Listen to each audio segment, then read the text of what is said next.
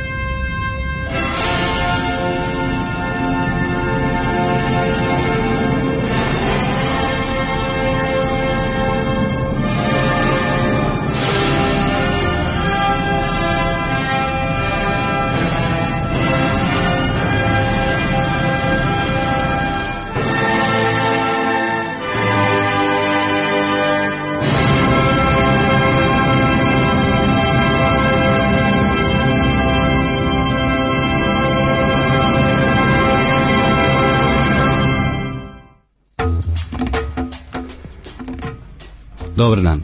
Sreda je dan najbolji za nauku, pa smo tako i ustanovili da najbolje sredom da imamo emisiju koja se zove Radio Galaksija. Da. Mićo, ja. dobar dan. Stravo. Lep dan danas. Da. Jeste. A, ovaj, uz izvinjenje slušalcima, mislim da je zbog kašljenja, odmah prelazimo na stvar. Imamo nove vesti. Jeste. Jeste. Ima raznih novih vesti, ovaj put mi se zove čak i više nego obično. Jedna od vesti koja nam je stigla u protekloj nedelji i preciznije u četvrtak prošli, znači malo, malo nakon prošle emisije, jeste da je otkriven novi super teški hemijski element. Dakle, to je nešto što se ne dešava baš svaki dan. O, ovaj, u, znači, u Nemačkoj, u Darmstadtu je korišćenjem, znači u tamošnjoj laboratoriji za uh, nuklearnu i čestičnu fiziku je e, znači proizveden po prvi put element sa rednim brojem 112. Redni broj 112, to znači da je on prilično udaljen od e, je li najtežeg elementa koji se nalazi u prirodi, a to je redni broj 92, on poznati kao uranijum A, dakle, uranijum je najteži element koji može da se pronađe u prirodi, ovi iza njega se često dakle nazivaju transuranskim elementima i oni se mogu napraviti u jedino u reaktorima. Doduše ne, nije isključeno da postoje u nekim situacijama prirodni nuklearni reaktori, hajde tako da kažemo, ono postoji recimo bar jedan poznat slučaj na zemlji, a to je Oklo u Gabonu u Africi gde postoji praktično prirodni nuklearni reaktor koji je funkcionisao jako dugo vremena tokom geološke istorije zemlje zbog specifične konfiguracije terena i koncentracije e, ovih ruda uh, pre svega urana i torijuma. E, međutim, e, činjenica je da su svi ti transuranski elementi jako nestabilni, vrlo brzo se raspadaju i oni se, oni, može, njih se napravi u laboratoriji na kratko vreme i onda nakon toga, mislim, zove se odmah raspadnu i tako da čak i ako su nastali u prirodi, onda su se raspali jako davno, tako da je u suštini jako teško doći do, i to je glavna poteškoća u otkrivanju novih elemenata u periodnom sistemu Mendeljeva jeste u tome upravo što su ti veoma teška jezgra jako nestabilna.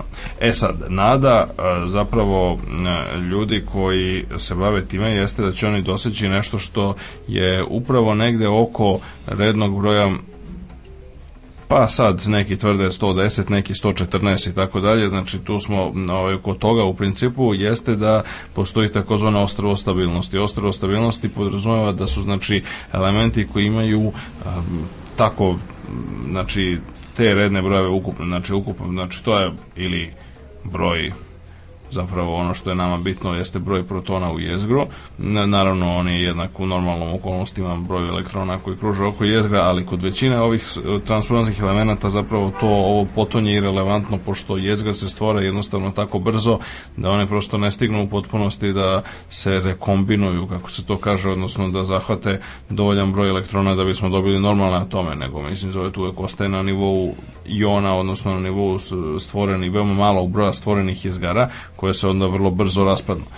E sad, e, u suštini, ono što je ideja ostrava stabilnosti jeste da ne, ne da su tu elementi ponovo koji su stabilni koji se neće raspadati, nego da je njihov životni vek znatno duži nego što bi čovjek očekivao. Generalno kako se ide ka sve većim i većim atomskim brojima i sve većim većim atomskim masama. Da, uzem bude rečeno, atom da masa, znači ukupan broj protona i neutrona u jezgru kod ovog novootkrivenog elementa 112 je 277, tako dakle, da mislim da to je jedan stvarno hm. ovaj, ultra teški, mislim zove ultra teški o, hemijski element, odnosno ultra teško jezgro.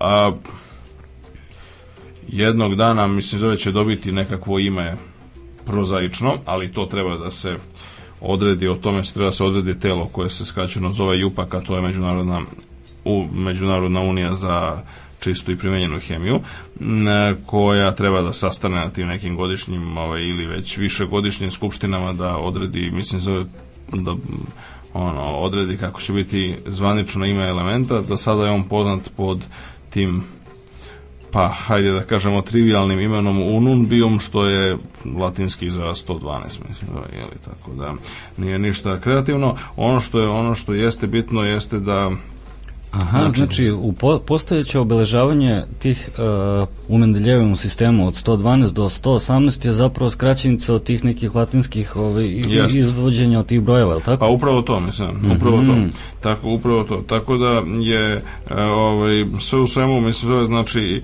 uh, generalno gledano ovaj, dakle, mm, od 1925. kada, kada je shvaćeno da je e, zapravo da je uranijum najteži element koji, koji se nalazi u prirodi mislim od tada počinje ta epoha te hajde da kažemo, egzotične hemije, super teških elemenata u kojoj je otkrivan čitav niz, mislim, zove stvari. Sad, bilo je tu i raznih lažnih uzbuna i otkrića koja se ispostavilo da nisu bili mislim za ono, da nisu bili realni elementi i tako dalje zbog toga što eto kao što rekoh mislim zove većina njih mislim zove postaje samo Siđu Šandelić hiljaditi delić sekunde ili tako nešto, mislim da može da opstane, a pre nego što se raspadne na, na sitnije. Hm. Inače, o, o, poenta jeste, na primjer, u ono što su uradili u Darmstadtu jeste da, znači, proizvodnja elementa 112 je proizvedena zapravo specifičnom vrstom nuklearne fuzije i to je vrlo interesantno, mislim, pošto možete da učiti nuklearnu fuziju, naravno ne ovu o kojoj se obično priča komercijalno, mislim, u smislu da se iz nje dobije energija, ali ono što je urađeno je da zapravo fuzija atoma cinka i olova, mi se zove, znači veoma teških elemenata samih po sebi, pošto je snop jezgara e, cinka, mislim da je bombardovao metu sastavljenu, napravljenu od olova, tako da je nakon toga u, znači, e, ispitivanjem hemijskog sastava mete je ustanovljeno prisustvo elementa broj 112. I sad ne znamo dokle će to dalje da se nastavi, tako da o tom potom to ćemo već da vidimo. Potraga za još težim elementima traje. E, a, ah, ovaj, naredna vest nam stiže iz Londona, odnosno preciznije, mislim, dakle, iz Škotske sa univerziteta St. Andrews, ali je objavljena u Londonu. E, naime, radi se o vesti iz oblasti zoologije i, kako bi rekli, ekologije, ali ono što je interesantno jeste da se onako prosto kao kuriozitet e, jeste da e, su grupa naučnika sa znači Univerziteta St. Andrews prevashodno je e, ispitivala ponašanje riba i to ne bilo kojih nego malih ribica onih koje se nalaze generalno koje žive u rekama, potocima i tako širom Evrope e, i ustanovile su interesantnu stvar a to je da e, su bez obzira što su ribe relativno pa hajde da kažemo mislim zove relativno jednost, jednostavni organizmi u poređenju sa ovim Sisarima, organizmima da. kao što su mislim zove sisari, a takođe i ptice, kmezaci i druge složenije, složenija bića. A, dakle, pored toga su a, e, dobili smo prvi put dokaze da ribe mogu da uče Dakle, mislim, zove učenje je nešto što nije samo prerogativ ljudi i nekih ovim, ovaj, nama bliskih nama bliskih vrsta sisara kao što su psi ili konji, nego i riba koje su od nas prilično udaljene u tom evolucionom filogenetskom lancu.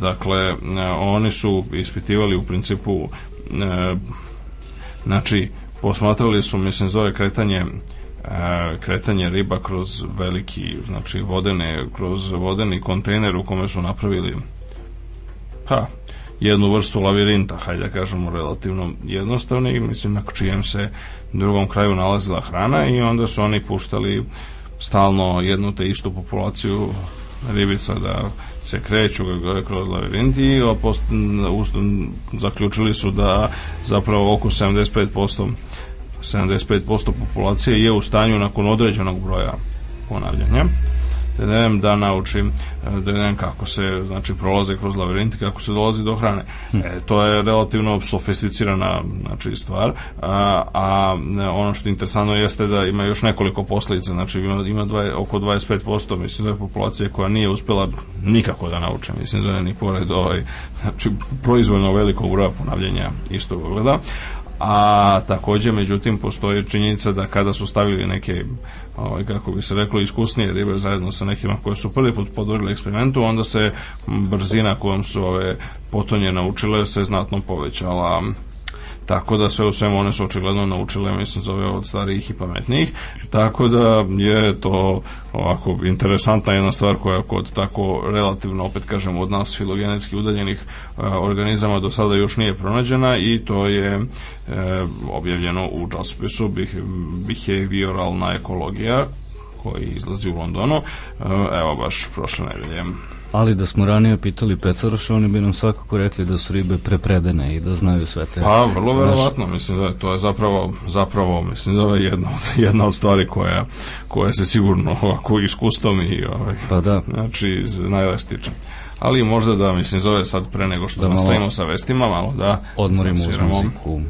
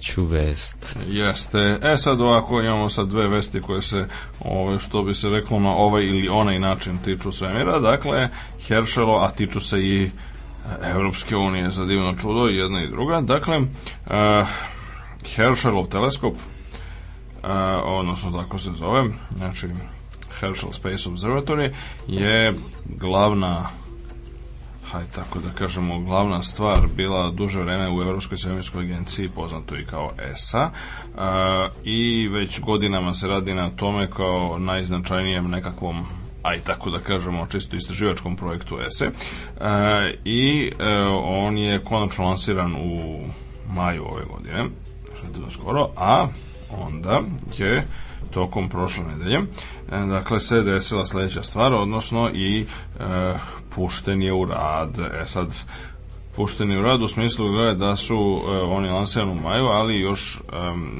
sve do evo sad prekjuče. E, dakle, nije bio pokron, nije, nije bio otvoren. Odnosno, oni su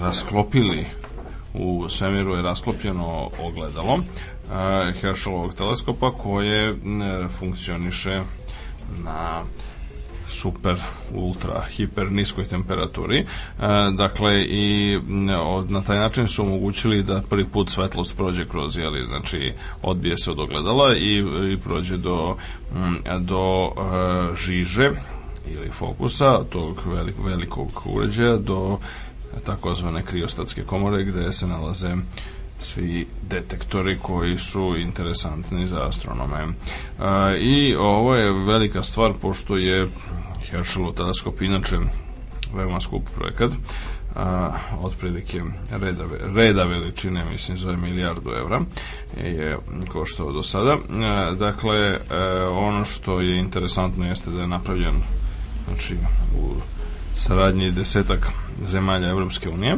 i e, jako je veliki. Znači, ogledalo, ovo ogledalo koje je otvoreno, rasklopljeno prekjuče, mislim, jeste E, je u prečniku 3,5 metra. Mm.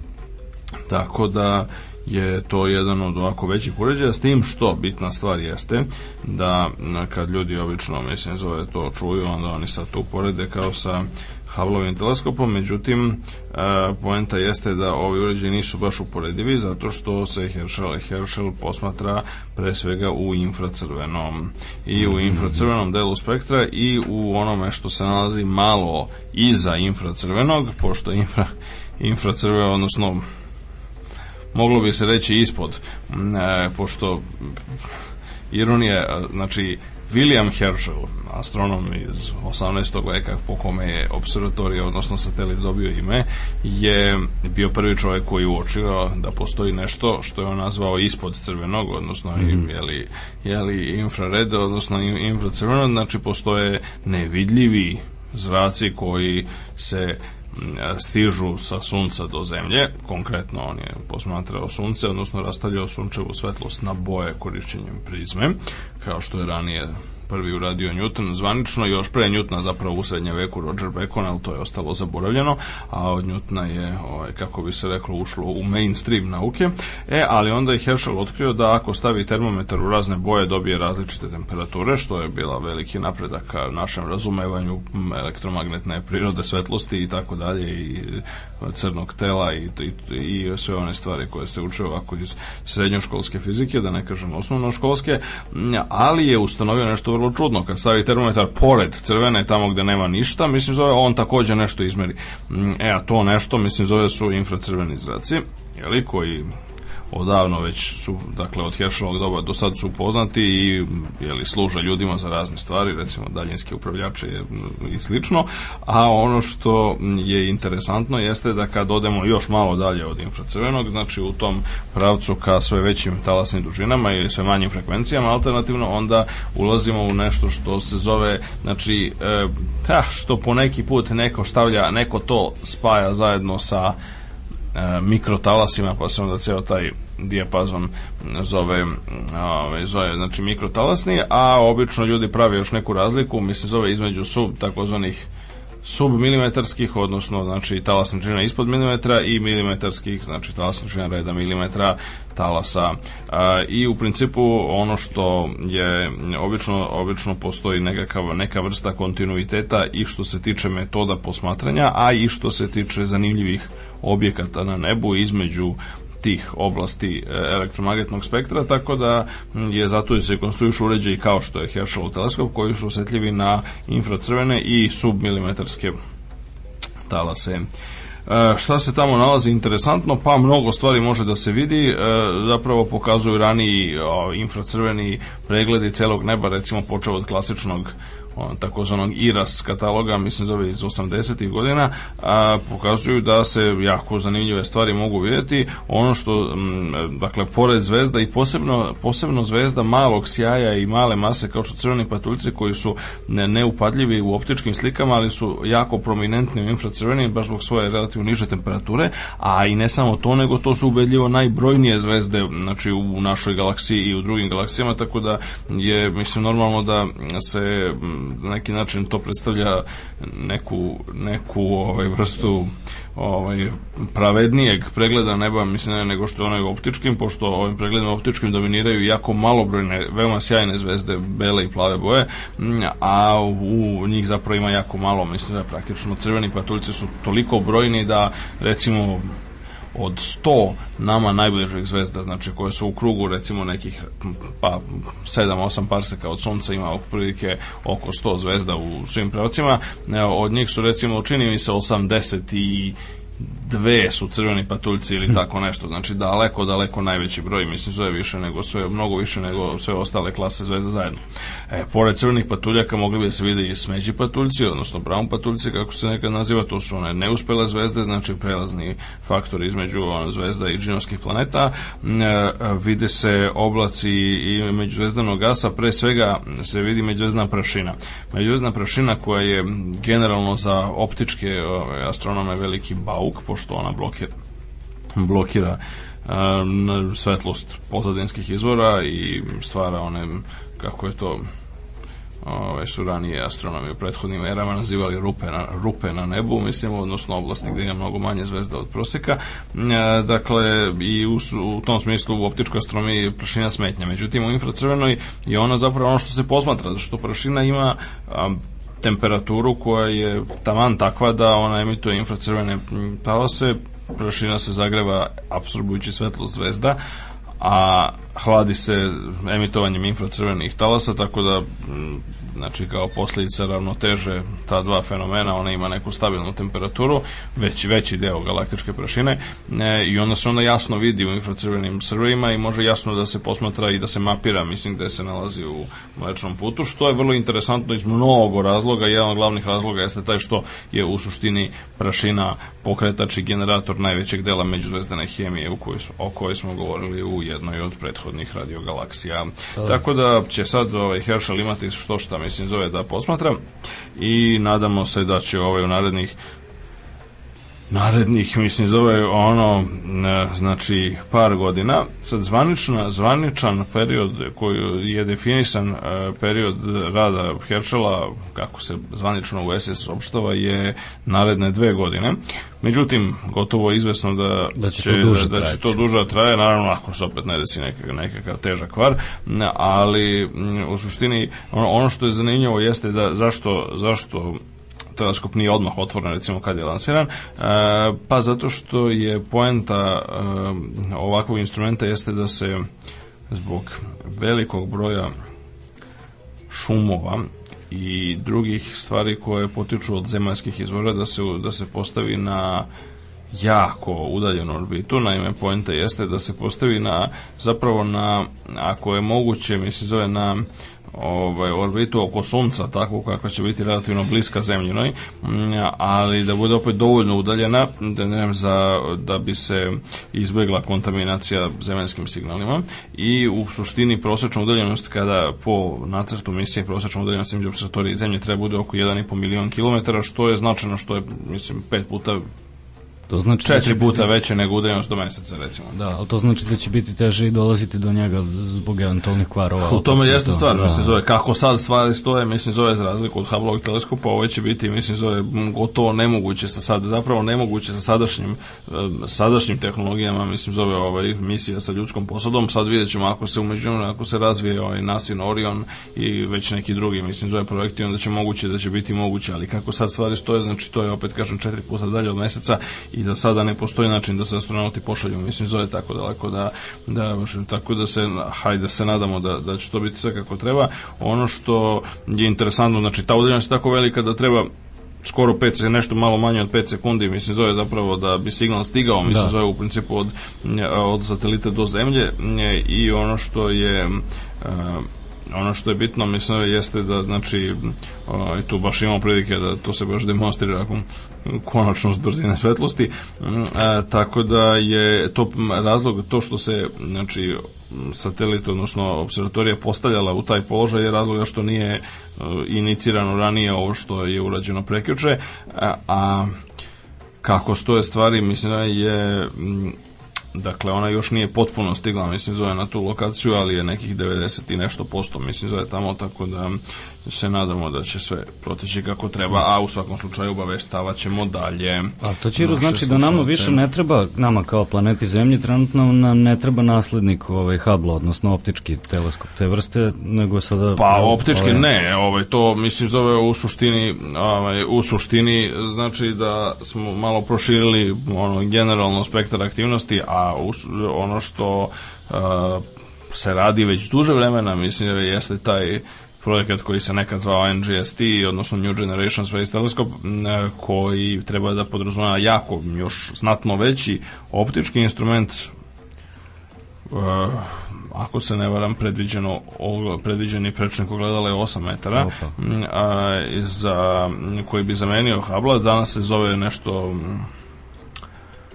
John Webb, ako se ne varam, Space Telescope, tako po nekom administratoru NASA, mm, je, mm, no, kada će on biti tačno lansiran, pošto je to se već odgađa neko dugo vreme, postoji neka ideja, mislim, zove o tome da bi, je li, moglo naredne godine ili one tamo mislim zove da se da se ovaj da se isti lansira to to će biti prava revolucija ovaj u tome pošto to je stvarno veliki instrument i mnogo moderniji nego čak i za sve one opravkama Habla ipak to ne može bude ne može, ne može da bude u potpunosti ovaj state of the art kako bi čovjek očekivao.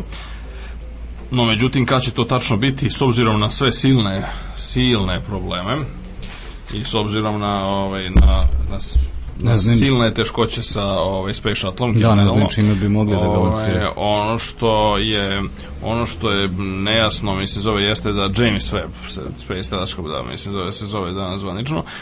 Ono što je kako sad stvari stoje mislim da će znači nema, problem jeste što znači sad se misija Space Shuttle se završava naredne godine, vrlo uskoro, a da nema ono što ono što jeste uh, pitanje mislim zove jeste kako će izgledati mislim zove znači može da se lansira mm, znači ovom jednom od ovih raketa mislim zove tipa Titan 2 i tako dalje samo što poenta jeste mislim zove nije sasvim jasno on bi zapravo trebalo da se trebalo da se ovaj nalazi opet znatno dalje od znatno dalje od, ovaj, od zemlje. Ideja je da se postavi u takozvanu L2 -hmm. Lagrangeovu tačku. To je tačka koja e, se generalno nalazi dovoljno daleko mislim od zemlje da bi se mm, e, da bi se moglo bezbedno izbeći svi oni šumovi pošto Hubble je bio toliko blizu da on čak imao te takozvane geo a, znači imao te, te, te m, mm, geomagnetne anomalije kao što je recimo taj South Atlantic anomaly takozvani e, koji je znači ima nekakvo i ono nekakvo znači intenzivne, e, intenzivna geomagnetna aktivnost iznad Južnog Atlantika koja je interferirala sa recimo mogla se primetiti u, u, u radu Hubble i njegovih detektora ovo treba je toliko daleko da ne može da utiče od toga e, kako sad stvari stoje zvanična ideja sad Nasina je da se lansira korišćenjem evropske ove Ariane 5 e, i bo, boga mi mi se zove kako evo sad baš upravo gledam kako neće kako stvari stoje to neće biti pre 2013. Da. Ove, pošto to sad ide dosta, dosta sporo, ali to će biti veliki, mislim, veliki projekat i a, kako stoje stvari, ako bude uspešan, možemo očekivati zaista jednu novu, baš bukvalno ovaj, dosta revolucionarnu sliku tih ekstremno ranih i u ekstremu faza u istoriji Semira, odnosno ekstremno udaljenih objekata, što je glavna, glavna naučna poenta E, tog novog teleskopa, tako da ali vidjet ćemo o tom potom do toga da. stvarno ima dosta vremena i konačno e, još jedna vest koja nam je stigla iz ESE odnosno Europske svemirske agencije a konkretno ovaj put iz Italije znači italijanska korporacija pod nazivom Thales Alenia Space e, je ovaj, dobila dozvolu pre koji dan e, da izgradi, mislim, zove nešto što oni zovu, mislim, zove se Intermediate Experimental Vehicle, odnosno EXV, e, koje pretreba da bude znači novi, hajde da kažemo tako, znači nova tehnologija za e, re-entry, odnosno za povratak Aha. za povratak objekata iz, iz orbite ili već iz svemira u, kroz zemljenu atmosferu. E sad, to je mnogo bitan i težak problem. Generalno, možda najveći problem i možda naj, najaktuelniji ovakvih kako je viđamo, mislim zove kako je viđamo do sada, pa da, mislim da je bilo je znači ako pogledamo čitav niz nesreća mislim zove koje su se dešavale sa, u vezi sa a, u vezi sa baš upravo tim. Znači najnovije, posljednja je bila Kolumbija 2003. ali ne treba zaboraviti pre toga. Mislim da je čitav niz eta, recimo Sojuz 1, a, Vladimir Komarov, jedan od najiskusnijih i naj, najpoznatijih sovjetskih kosmonauta koji je čovjek bio učesnik nekoliko misija, pre toga i jedan od naj, najiskusnijih mislim, da u celom tom korpusu je poginuo mislim, zove, tokom zbog problema u povratku u atmosferu, pa onda bila su još trojica sovjetskih kosmonauta, dobrovoljski Volko i Pacajev, koji su na jednoj od kasnijih misija Sojuz takođe, mislim, zove poginuli zbog grešaka u, u, u, u reentriju, odnosno u povratku. E, I generalno gledano, mislim, zove to je jedan od velikih problema i, i sa misijama bez ljudske posade takođe. Tako da razvijanje novih sistema za, za povratak je bitno. E sad, u čemu je poenta ovog e, italijanskog IXV-a? Mislim da je pa poenta jeste u tome da se on bazira, znači projekat se bazira na potpuno potpuno novom obliku, hajde tako da kažemo. Mm -hmm. On ima nekako, on e, sad to ne možemo nažalost da ovde predučimo adekvatno s našim slušalcima, ali recimo da je da on ima nekakvu, da on izgleda kao nekao klin ili ekser tako nešto koji se e, koji je koji u principu mislim zove očekuje se da će recimo prototip koji bi trebalo 2012. mjesece da, da bude ovaj, lansiran, će se postaviti na visinu 450 km, nakon čega će početi da se spušta i očekuje se da e, znači da maksimalna brzina bude negdje oko 7,5 km u sekundi, a nakon toga će, mislim zove, znači mm, on će imati e, specifičnu, e, znači imaće mogućnost da menja ne samo svoju orijentaciju tokom spuštanja, nego da menja i aerodinamički profil tokom spuštanja. Naime, oni su predvideli da se neki delovi izlače i uvlače, mislim zove što se inače ne, generalno ne primenjuje, do sada nije primenjivalo, mislim zove na, ni na jednom kap, kapsuli ili mislim zove bilo čemu drugom što se, što se spuštalo on automatski, a, tako da i na kraju mislim zove naravno će da se kao ideje da se na kraju, mislim, zove samom ovaj, te glavne, glav, kada prođe najveći deo zemljene atmosfere, mislim, zove da se onda spusti padobranom dalje. E sad, e, znači, za sada je to nekakva generalna ideja e, i u principu sakupljeno je oko 100 miliona evra za ovaj projekat, što je dovoljno za jeli, taj, mislim, zove jedan eksperimentalni prototip, e, a sad videće se, očekuje se dakle da uh, E, očekuje se da ukoliko se pokaže uspešnim da to postane mislim zove jedna od glavnih osnovica, mislim, zove esivnog programa u budućnosti. E, ono što jeste interesantno jeste da e, su na ovom projektu je glavnu reč, ne samo što je ova ta italijanska korporacija zadužena za to, nego generalno italijanski naučnici su, ovaj, su vodili glavnu reč, a e, još nekih još deset zemalja, mislim, zove su tu u, ovaj, u igri, hajde da kažemo, najveća ulaganja, mislim, zove su dali Španije, Francuska i još eh, sedam drugih zemalja i takođe Švajcarska kao takođe član SM-a da nije članica ovih drugih raznih stvari.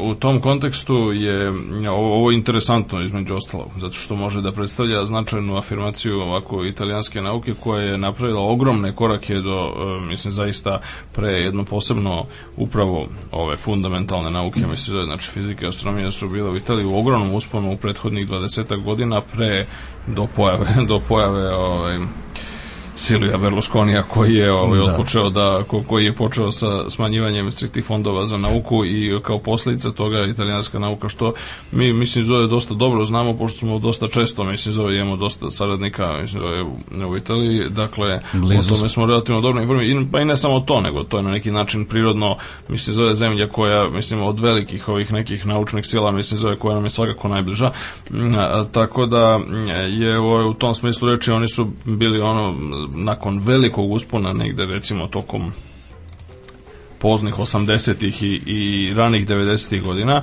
A, ovaj, nakon toga nastupila je epoha ono, generalno opadanja i krize, tako da o, recimo, hajde da se nadamo da će projekti kao što su ovi pomoći da se da se ovaj učvrsti da se dalje dalje afirmiše mislim italijanska nauka bogami u ovom, u ovom slučaju i svemirska tehnologija E, toliko to vestima, a tu nam je i... Da, stigla je naša muzička urednica. Yes. Ove naše mladice, dobar dan, Marija. dobar dan. Jeste, baš naše...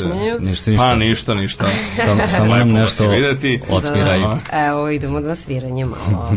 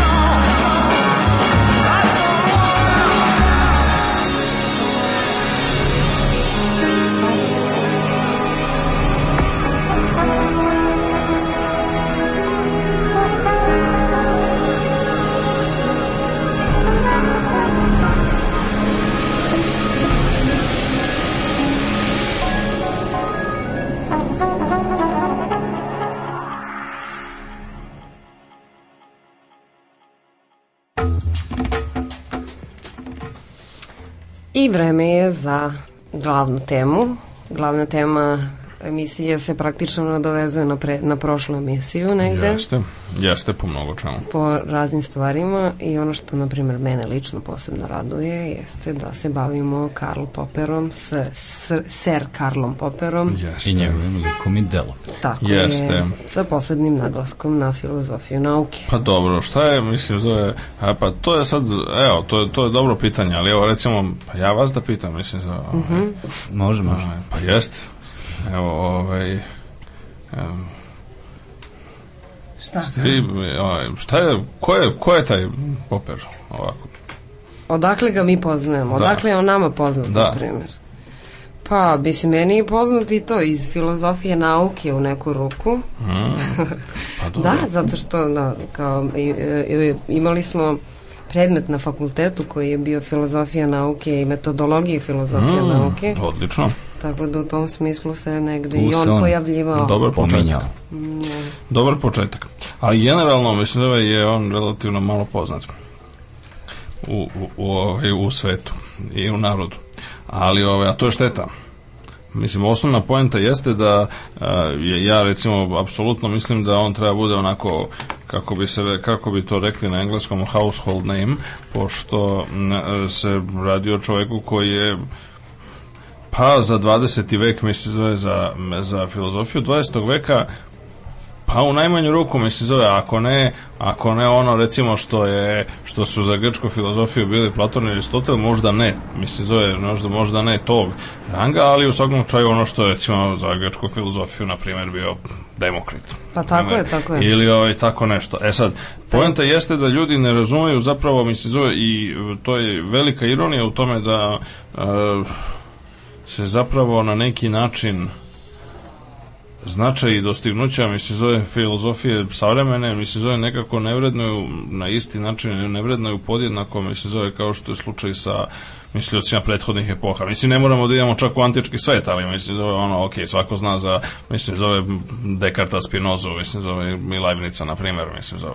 Ili da, već, pa to, mislim, zove, to, to je ono, već u srednjim školama. A, ovaj, o, i tako da, nije to, međutim, za, za e, novovekovnu filozofiju, za Bertanda, recimo, za Rasela, Wittgensteina ili Popera, mm -hmm. mislim, zove, zna relativno mali broj ljudi, što je da. velika šteta, zato što, mislim, zove, relativno gledano, a, sve, sve, oni su, oni su, pa, pa ne samo to, ajde sad, mislim zove kod Popera se konkretno ucenu društvo zaista može govoriti i, mm, i to je vrlo, to, to je jedna od bitnih stvari. Možda je to on ključeva zašto su kod nas e, posebno kod u ovim krajima, mislim da je njegova dela bila nepoznata do relativno skoro, odnosno da je, na primjer, neko ozbiljnije izdavanje i prevođenje popera otpočelo tek u 90. godinama e, zato što bilo je pre toga nekih izuzetaka bilo je po nešto mislim zove dakle ona ok logika naučnog otkrića je bila nešto ranije prevedena i bili su pojedini odlomci iz drugih njegovih knjiga koji su recimo prevodili entuzijasti i pioniri kao što recimo ljudi sa trećeg programa Radio Beograda na primer,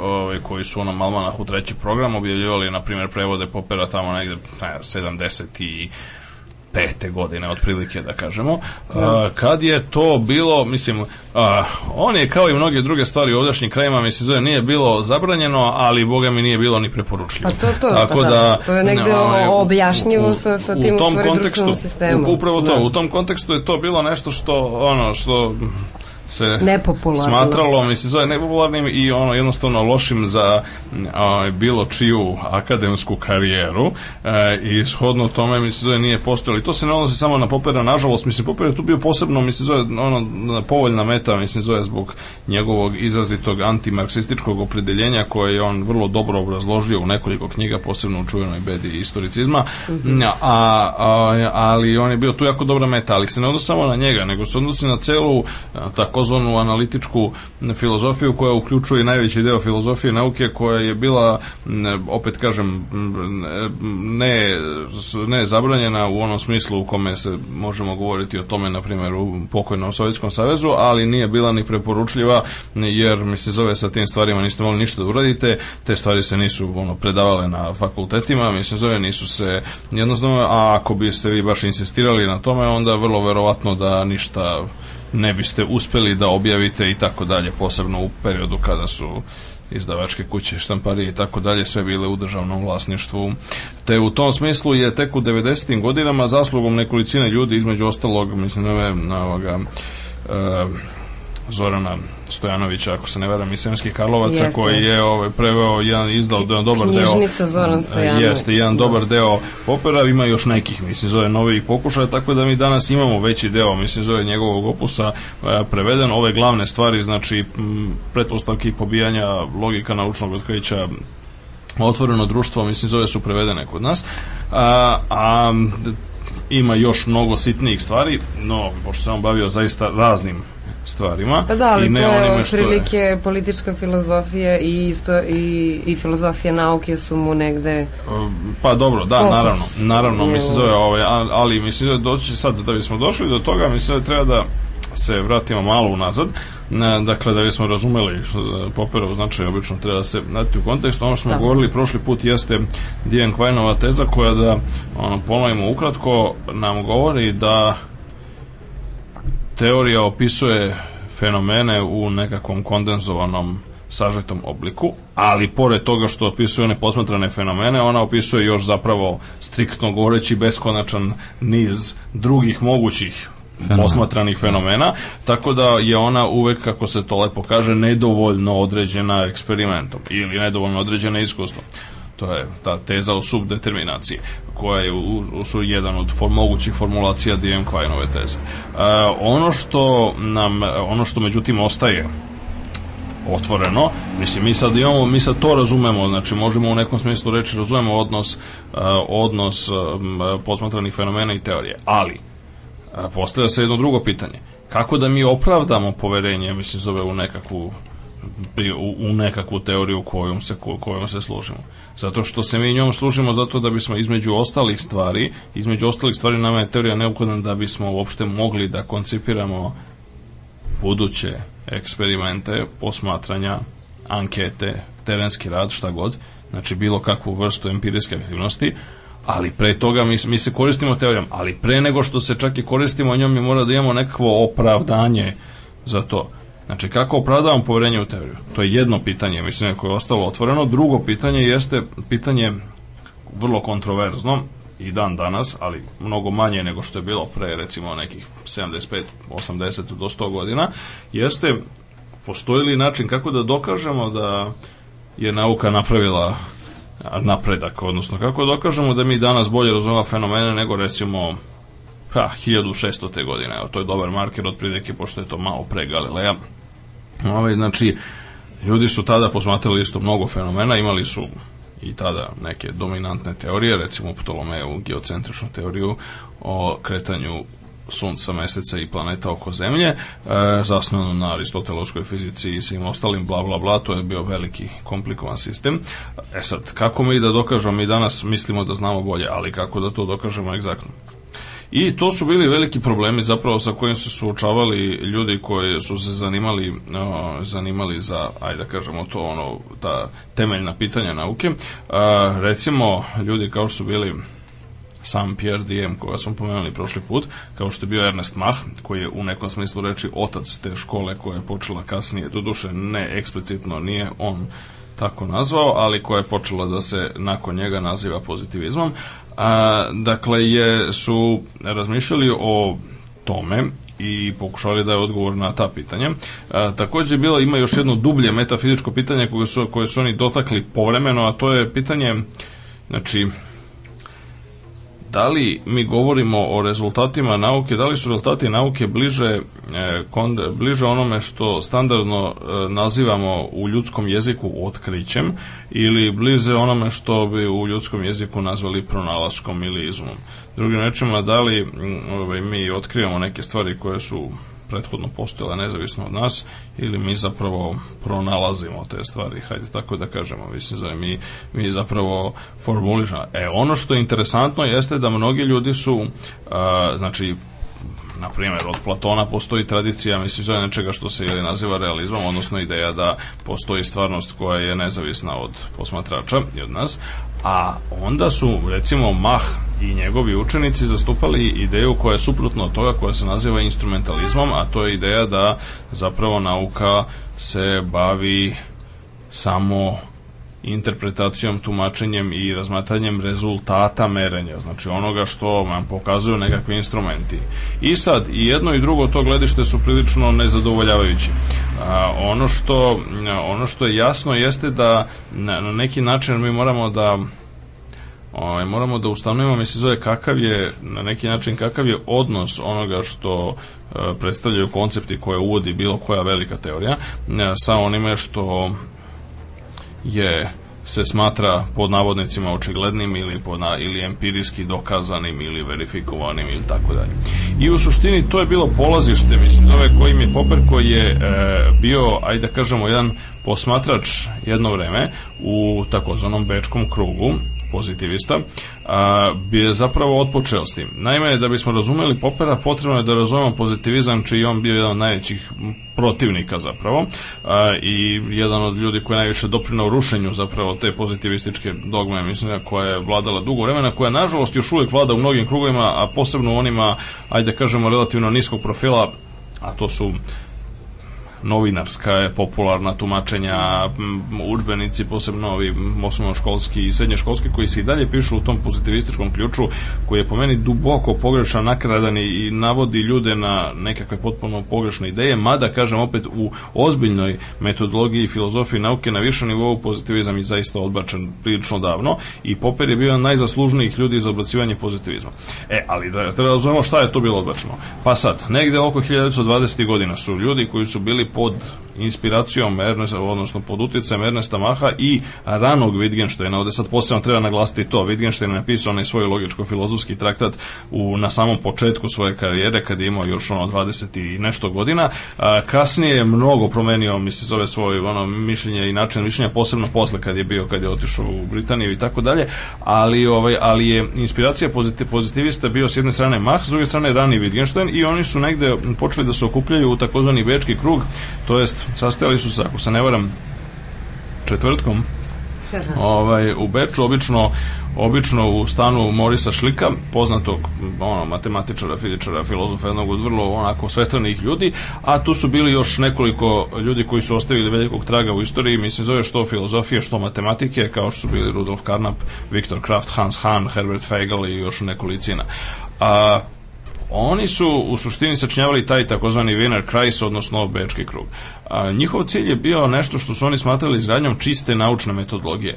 Znači, a, čiste, pod, znači, bez uticaja, oni su na neki način bukvalno shvatili onaj program koji je bio utemeljen ranije od strane ljudi kao što su bili Roger Bacon i njegov, i, i njegov kasni imenjak, prezimenjak Francis Bacon, a to je da se mm, nauka mora emancipovati od svih stvari koje nisu eh, od svih ideja, koncepta tako dalje koji jeli nisu naučni. Pa sad to na prvi pogled zvuči ovako cirkularno, ali oni su imali prilično jasnu ideju šta ne žele. Mislim, nije bilo sasvim jasno šta žele, ali ono što ne žele im je bilo sasvim jasno, a to je pre svega, mislim, zove su oni ono što je neprihvatljivo, mislim, zove nazivali metafizikom. I sad njihov program izbacivanja metafizičkih ideja ideja iz nauke je bio e, s jedne strane, s druge strane mi se zove je e, formulisanje jednog preciznog jezika koji bi izbacio ove nedumice koje proističu iz, sa kojima se stalno suočavamo evo i u ovoj emisiji kad govorimo običnim govornim jezikom o naučnim terminima onda oni su zagovarali instrumentalizam, a to je već pomenuta ideja da zapravo cilj nauke nije saznavanje nekakve skrivene realnosti i ono skrivene suštine sveta, nego zapravo samo interpretacija onoga što nam daju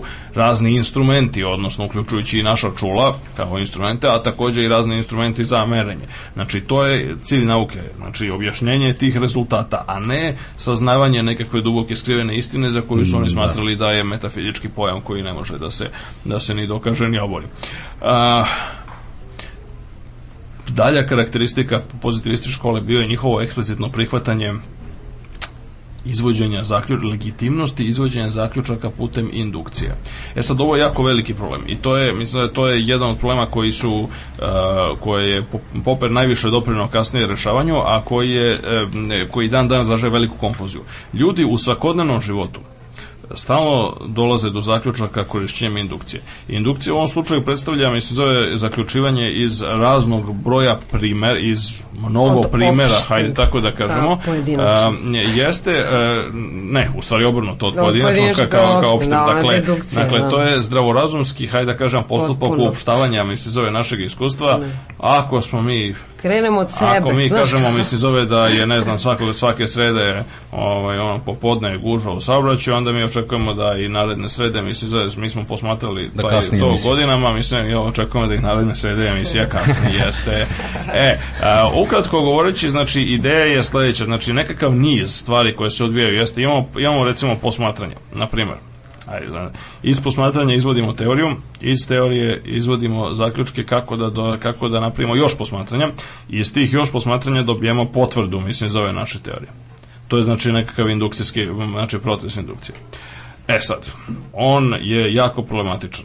Znači, e, pozitivisti su prihvatali indukciju pošto su zaključivali da u nekom smislu reči, pošto se mi ipak, e, pošto mi po njima ne želimo da se bavimo, mislim, zove nekakvom stvarnošću, nego želimo da se bavimo samo rezultatima, rezultata uvek ima konačno mnogo, svako iskustvo je konačno, ako bismo zahtevali nešto što je zaista, ako bismo u startu krenuli sa nekim nečim zahtevom da imamo nešto što je opšte valjano, za, znači valjano za beskonačno mnogo primera, onda ne bismo ni do čega došli, tako da su onda oni rekli dobro, mislim, zove, ajde sad indukcija nešto što je naj, najbolje što možemo da, da imamo. E sad, uh, oni su bili svesni problema sa problem sa indukcijom prvi koji je ukazao jedan od najdubljih i najozbiljnijih mislilaca ono, u celoj evropskoj istoriji, a nažalost opet nedovoljno poznat u ovaj, ovako što se kaže u, u široj javnosti, a to je bio veliki škotski filozof 18. veka David Hume. David Hume je prvi upitao, mislim, zove njegovim sobstvenim rečima how can induction be justified, odnosno kako ćemo opravdati indukciju. Šta, samom indukcijom, pa neće moći, mislim. Da. Dakle, postavljam pitanje, jesu li sve vrane crne? Mi smo videli samo crne vrane do sada, jesu li sve vrane crne? Mi smo do sada videli da svaki dan izlazi sunce, hoće sutra izaći sunce. Pa sad, mi ne možemo nikad biti sigurni o to i ne postoji nikakav način, mislim zove, da se to uopšte dokaže, a ako e, neko i dalje, mislim zove, tvrdoglavo veruje, mislim da e, indukcija mora važiti, onda mu preostaje ono što je Bertrand Russell postavio kao jedan izvrsnu parabolu ili basnu ili misleni eksperiment kako doćete, to je ideja o filozofski induktivistički nastrojenim pilićima. Naime, Bertrand Russell kaže, zamislimo piliće koji su ovladali sposobnošću ovaj, naučnog eh, razmišljanja i zaključivanja, oni konstatuju vrlo interesantnu stvar. Svaki dan, otprilike u isto vreme, dolazi farmer i donosi im hranu Šta to znači? To pored toga, zna, oni ne moraju ništa raditi, kaže, to potpuno nezavisno njihov ponašanja, mislim, zove, dakle, šta god oni radili, mislim, zove, farmer će dolaziti Hrana istog dana, stiži. mislim, zove, i ovaj, donositi im hranu. I oni zaključuju, mislim, zove, da e, žive u najboljim od svih mogućih svetova u kome, mislim, zove, dakle, hrana stiže samo od sebe i zadatak farmer postoji tu, mislim, zove, zato da bi njima donosio hranu i tako će se nastaviti u budućem i tako pile razmišljam, mislim zove i dok se dok jednog jutra mislim zove ne dođe farmer, mislim zove uzme pile, mislim zove i zavrne mu šiju. E, zato što recimo tog dana mu dolazi komšija na ručak ili iz nekog razloga koji je sa stanovišta Pilića upravo ono što bi pozitivisti nasvatrali metafizičkim uzrokom. Da. Znači, ovaj, znači pileći ne mogu da imaju nikakvu predstavu, mislim, zove o tome da, ne znam, farmeru dolazi neko na ručak i tako dalje. Ovaj, dakle, za njih je to čista metafizika, a očigledno kako je da, znači, budućnost ne mora da liči na prošlost i da, da proizvoljan broj prethodnih ponavljanja ne mora da donosi nekakav zaključak. Zašto? Zato što pilići nemaju uvid u celinu, problemske situacije. Sad već da, da. dolazimo do dolazimo do bitnog pojma koji Popper uveo upravo mi se zove, a to je problem, pojam problemske situacije. Znači, problemska situacija je ono što zapravo sa čim mi suočavamo u realnoj nauci. Ne, znači, poenta jeste ne da imamo nekakvu gomilu posmatranja, mislim zove, pa sad mi pokušamo iz njih da izvučemo neki zaključak. Nego poenta je da imamo problem i to je jedna velika, to je velika revolucija u perspektivi koju je Popper uveo da u, pre, za razliku od pozitivista koji su verovali da mi sad se suočavamo, mi sad imamo gomilu nekih artefakata i sad mi treba u njima da napravimo red, mislim, zove i da iz njih izvedemo, mislim, veliki zaključak da je Popper je pošao obrnuto. Ne, mi nemamo nikak fakta, ali imamo problem. Mislim, kako ćemo mi sad da, da rešimo taj problem? A, ono što je interesantno, znači, mislim, zove pozitiv... E sad, ultimativno, ultimativno. A, najekstremniji, a, o, najekstremniji oblici pozitivizma a, su bili oni koji su smatrali, mislim, zove, recimo kao recimo rani Karnap na primer, su koji smatrali da zapravo naučni iskazi su i da su naučni po definiciji naučni iskazi mi se zove treba da budu da se da se nauka mora formulisati tako i način i iskazi nauke se tako da su naučni iskazi isto što istiniti iskazi i to je ona i to je ključ one duboke e, zablude koja nažalost kažem i dan danas važi i koja motiviše ljude mislim zove da stavljaju taj atribut naučni ispred svih mogućih gluposti. Znači kad e, vam kažu tamo ne znam da je Merix naučno dokazano bolji od Ariela, mislim i da ne znam šta, mislim zove se je sve to naučno dokazano, to je poenta zapravo da oni podsvesno koriste tu pozitivističku ideju da je zapravo naučni ispred istine. Znači da ti time pojačava verovatnoća, mislim da će da će da je taj iskaz da su najmanju ruku, ako ne izvesno, ono u svakom slučaju daleko, daleko verovatnije, prirodnije i prihvatljivije ljudima da je to nešto što se tvrdi istinito. Da. To je bio, mislim, to je naravno to, mislim, poenta jeste, to se zloupotrebljavalo uvek i, i posebno ovim ideološkim osnovama. Poenta, ono, već smo pričali o tome, mislim da je poenta je da e, u, na 19. veku je vladao u biologiji među generalno obrazovanim i među generalno dobronamernim ljudima, dakle, ne treba mi pripisivati nikakve loše namere, pri tome, mislim, vladalo nešto se zvalo naučni rasizam.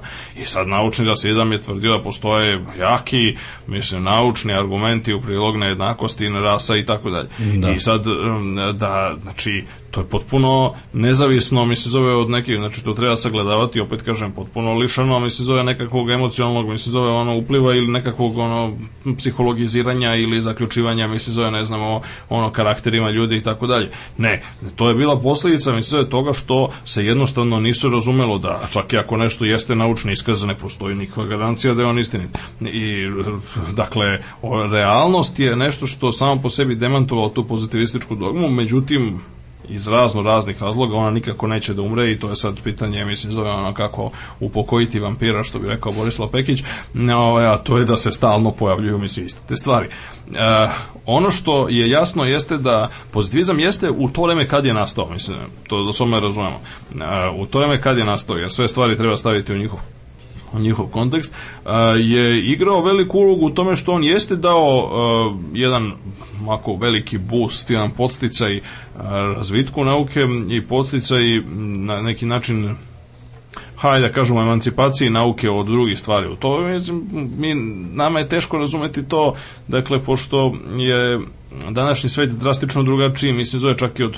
znači, tog sveta prvih decenija 20. veka, da ne govorimo o ranijim ono, viktorijanskom dobu i, i slično, a to je da e, znači, tada se još uvek u mnogim delima smatralo da, eto, nauka služi recimo opravdavanju na primjer religijskih ideja ili političkih ideja i tako dalje znači da. pozitivizam je radi, pozitivizam da. je jako doprineo mislim zove emancipaciji nauke to je jedna stvar a, tu su bili pametni ljudi koji su došli do nekih posebno recimo u području analize jezika mislim posebno u području simboličke logike u nekim drugim oblastima su da dali značajne doprinose ali pozitivistička ta osnovna dogma pozitivistička, koja je bila, znači, ono, antimetafizička, instrumentalistička, prihvatala indukciju, dakle, koja je zagovarala tu ideju o nekakvoj um, maltene, maltene sakralnoj prirodi naučnih iskaza koji su istiniti, neosporni i tako dalje, je doživjela propast. I to iz raznih razloga. Sam Beški krug se raspao pre svega zbog ove napredovanja nacizma i zbog ove konačno Anšlusa Austrije e, od strane nacista, e, kojom prilikom je većina članova Bečkog kruga, mislim zove se, potražila e, spas u emigraciji, rasturila se po raznim delovima sveta, a sa druge strane, međutim, razvitak pojava i uspon nove, novih generacija filozofa nauke, pre svega Popera, je, je i još nekih drugih u to je Tomasa Kuna, Imre Lakatoša i drugih mislim je doprineo razbijanju te pozitivističke dogme. E, ono što je kako e sad kako je Popper to uradio? E, pa poenta jeste da Popper insistirao na tome da zapravo e, u nekoliko pre svega u dve svoje najvažnije knjige. Znači, nje dve njegove najvažnije knjige su pre svega logika naučnog otkrića, odnosno logik der Forschung, koja je originalno objavljena na nemačkom 34. godine, premda je sam Popper kasnije, nakon drugog svjetskog rata, napisao sam, preveo na engleski i napisao i značajno dopisao i proširio, tako da ono, ona engleska verzija, ili The Logical Scientific Discovery je e, mnogo potpunija koja je se pojavila negde evo, ne, 50. godine, recimo 52. otprilike, je znatno potpunija i znatno bolja i ona predstavlja izvod, izvor za sve današnje prevode i tako dalje. Mada, kažem, originalni argument se pojavio 34. to je prilično značajno razumeti da baš u to vreme, mislim, zove kada se, ovaj, kada se karijera Bečkog kruga lagano bližila kraju, mislim, zove se i Popper objavio tu knjigu koja je zapravo bitna polemika protiv pozitivizma i koja a, zapravo ukazuje na nekoliko stvari, pre svega na, a, na tu jednu snažnu kritiku indukcije, a i takođe na, to je jedna knjiga koja na neki način jedna od tih čuvenih knjiga koja je, čiji je naslov donekle ovako obmanjujući u najmanju ruku, e, kao što je recimo, ne znam, Darwinovo poreklo vrsta je takođe u sličnu kategoriju, zato što Darwin se zapravo nije bavio onime što danas naziva specijacija, a danas, mislim, zove poreklo vrsta, znači zašto sad od jedne vrste nastane više, mislim, zove različiti su ta specijacija, o tome Darwin pojma nije imao, mislim, zove niti se uopšte bavio time. Tako da, mislim, na neki način ovaj, taj naslov, mislim, zove slavni njegov knjige, čiju slavimo sad 150 godišnicu, mislim, zove pogrešan. E, isto tako i kod Popera, on negde na već već negde jako rano, negde na 40, 40. strani ili tako nešto ovog engleskog izdanja, mislim, zovem pokazuje da zapravo nasuprot pozitivistima nema logike naučnog otkrića. Znači, ne postoji algoritamski put, ne postoji procedura pomoću kojeg, ono, ne postoji, ono, put popločan žutom ciglom kojom se može doći do naučnog do naučnog otkrića. I on baš zbog toga mislim da to jeste jedan od razloga mislim zove zašto njegova filozofija nauke jako značajna mislim da to je da e, je zapravo e, ono što e, je ono što ona čini, čemu ona doprema jeste da se e, smanji to pozitivističko insistiranje mi se zove na utvrđenim procedurima, algoritmima, formalizmima i, i slično, a da se naprotiv afirmišu nauci stvari kao što su, mislim, zove inspiracija, imaginacija, intuicija i uopšte šta god već vas dovodi do otkrića to nije važno. I sad Popper je zapravo prvi, jedan od prvih ljudi koji insistira na tome da to nije važno. Da znači ono što je važno jeste ono što je on zvao kontekstom opravdanja. A to je potpuno različito od konteksta otkrića. Znači, ko kako ćete doći otkrića? To je irelevantno. Ako vi kažete da ste, ono, ne znam, videli u kristalnoj lopti super sjajno, mislim. Ali poenta jeste kako se to opravdava docnije. I to je ono što jeste ključno. A kako ćete doći, ne, potpuno irelevantno, mislim, zove, to je pa da. stvar. E, to je prva njegova bitna knjiga, druga ključna knjiga, mislim zove, je, koja se pojavila 63. nosi naziv Conjectures and Refutations, odnosno kako je kod nas prevedeno pretpostavke i pobijanja.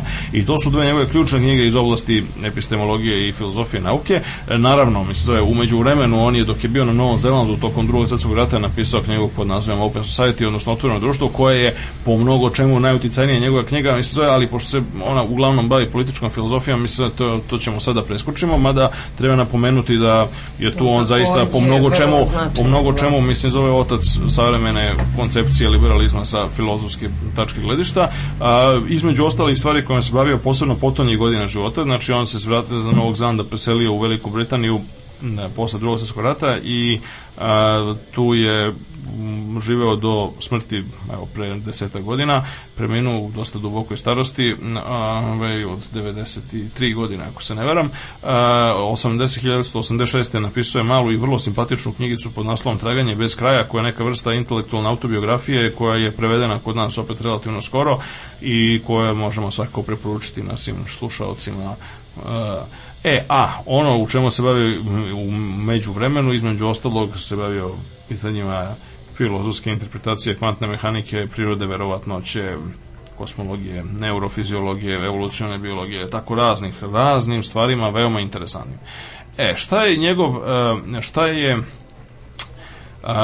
kako je on zapravo e, sugerisao da se zameni, odnosno e, da se promeni induktivistička e, paradigma koju su držali pozitivisti. Pa, njegova ideja je bilo nešto što je sam nazivao evolucionom epistemologijom, odnosno po analogiji sa teorijom evolucije u biologiji i sad ta analogija je onako vrlo interesantna. Naime, njegova ideja je sledeća. Mi prvo identifikujemo problem. Imamo problemsku situaciju i to ono sa kojom počinjemo. Nazovimo je problemskom situacijom 1.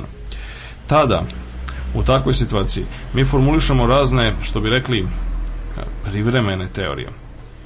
Razne znači, hipoteze i razne pretpostavke o tome šta bi moglo da, šta bi moglo da bude mislim, za rešenje tog problema. I uopšte nije važno odakle one potiču. Nije važno u prvoj instanci ni kakvog su one kvaliteta, mislim, zove.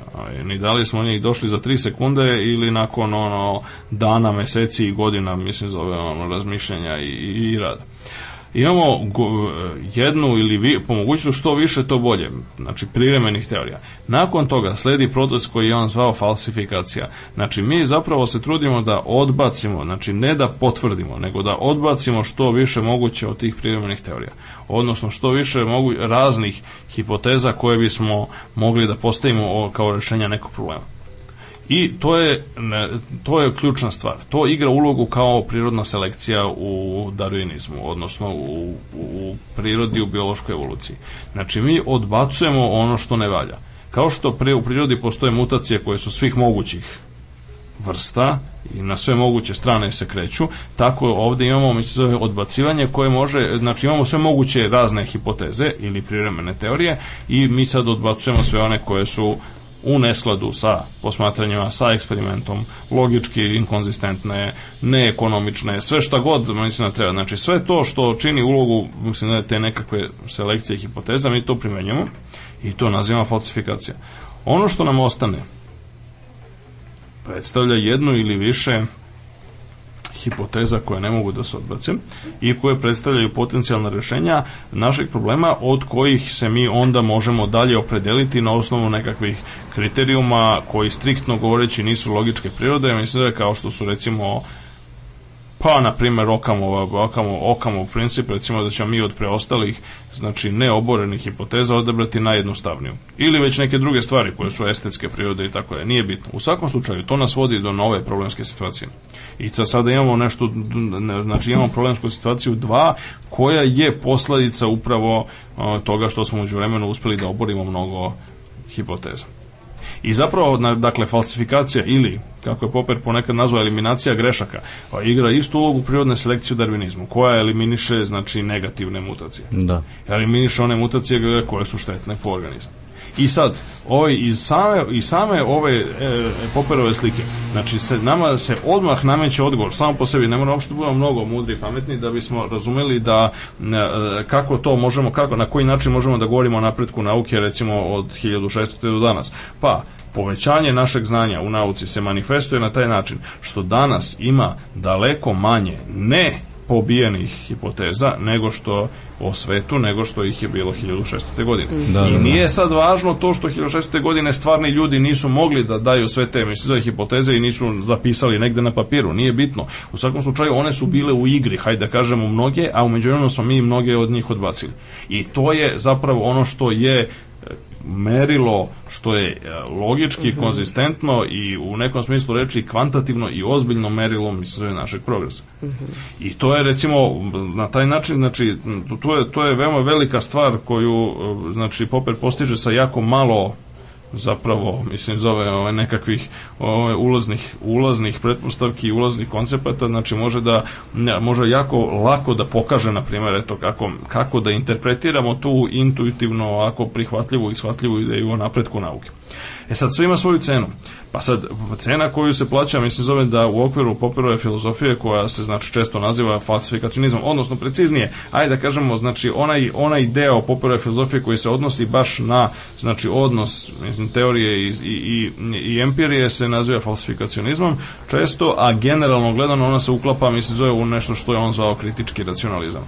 A, dakle, cena koja se plaća za prihvatanje kritičkog racionalizma jeste da je naše, naše moramo se pomiriti sa činjenicom činjenicom koja je na neki način nama intuitivno teško prihvatljiva i posebno je bila teško prihvatljiva, mislim zove ljudima ranijih, ranijih vremena, mislim zove pozitivistima je bila potpuno tema, a to je ideja da je sve znanje zapravo privremeno. Mm, da. I dakle, dakle, jednostavno nema dokaza u naukama koje se bave svetom. Mm. Znači, pri čemu, znači, ne mislim, na, mislim zove da se, znači, sa izuzetkom, ili ako hoćemo tako, u svim naukama sa izuzetkom matematike, gdje postoji tačno, mislim zove da procedura koja zlozi do dokaza, ali to je zato što je matematika formalnog karaktera, a sve ostale nauke, kako prirodne, tako društvene, nemaju dokaza. Mi ne možemo da dokažemo da će sunce sutra izaći. Da. Ne možemo dokažemo da su sve vrane crne. Mm -hmm. Znači, to jednostavno nema dokaza. Mi imamo znanje, ali to naše znanje je privremeno. Znači, hipoteza koja glasi sve, znanje, sve rane su crne je jedna nepobijena hipoteza koja se mm -hmm. može koristiti i se zove kao radna pretpostavka koja je potpuno ono legitimna jednostavno nema. Ali sa druge strane ne možemo Tako, mi da dokažemo. da se rodi, u stvari da se izlegne negde Nas, negde na svetu možda postoji vrana ja. Da. koja nije crna i može se desiti da jednog dana sunce zaista ne izađe, mislim, zove, recimo, pa da, pa da. kao posljedica. Pa mislim, za dokaze bi podrazumevalo da je kontekst statičan, mislim, pa da. da upravo da, da, da nije e sad, promenljivo. E sad, znači ono što postoji ono, ono što imamo, znači još jednom, eh, eliminacija, mi izbacujemo teorije koje su pobijene, odnosno falsifikovane, plus vršimo nekakav racionalni izbor među onim preostalim. E sad, to uh, nam takođe omogućuje rešavanje jednog drugog problema, to je problema demarkacije. Znači, problem demarkacije, odnosno granice nauke i onoga što se naziva pseudonauka, kvazinauka i tako dalje. Znači, Mi sad kako rešavamo problem demarkacije? Pa vrlo jednostavno po poperu. Znači ono što radimo mi se zove jeste da mi sad vidimo znači da li hipoteze, mislim zove koje su, e, da li hipoteze koje su prisutne u tim oblastima, mislim zove su, ne, ove, ovaj, se mogu pobiti ili ne. Ako ne mogu, onda to nisu nauke. Mhm. Bez obzira da. što to može biti istina. Znači, pogledajte, tu nema nikakve reference na pojam istine. Znači, stvari kao što su, mislim, on je diskutao mnogo o tome, astrologija, alhemija, hi hiromantija, ali takođe, psihoanaliza, recimo. Znači, da. ne kao terapija koja može pomoći ljudima, nego da, da, kao da, teorija, mislim, se zove o funkcioniranju. Znači, tu imamo Mislim, zove nekakve, imamo ne, hipoteze koje se koriste, a koje se ne mogu boriti. Zašto se ne mogu boriti? Zašto su, recimo, potpuno subjektivnog karaktera. Mm. Kao kod, mislim, zove psihoanaliza. Sad, analitičar je identifikovao, mislim zove, znači identifikovao je koji su, mislim zove, od relevantnih informacija, jeli, snova, us, sećanja i tako dalje, mislim zove, pacijenta, odnosno klijenta, kako se to danas kaže, jeli, relevantna, a koje ne. A sad, mm, da. kad bi ga pita, a pitate drugog analitičara, on, on izabere nešto sasvim drugo. Mm. Dakle, to nije nešto, mislim, zove što možemo. E, to je, mislim, zove u suštini, mislim, zove razlika, znači, između nauke i nenauke. Sad, to naravno treba razumeti da, opet, kao što rekao, mislim, to može sve da bude istina niko ništa ne kaže. Znači, da. i iskazi astrologije, mislim, zove, koji kažu da će takvi takvi ljudi, ne znam, imati takvi takav karakter, znači, znači samo kao iskazi, znači, astrologije mogu biti istiniti, naravno. Da. Mislim, zove, to niko ne svoje, ali nisu naučni. Da.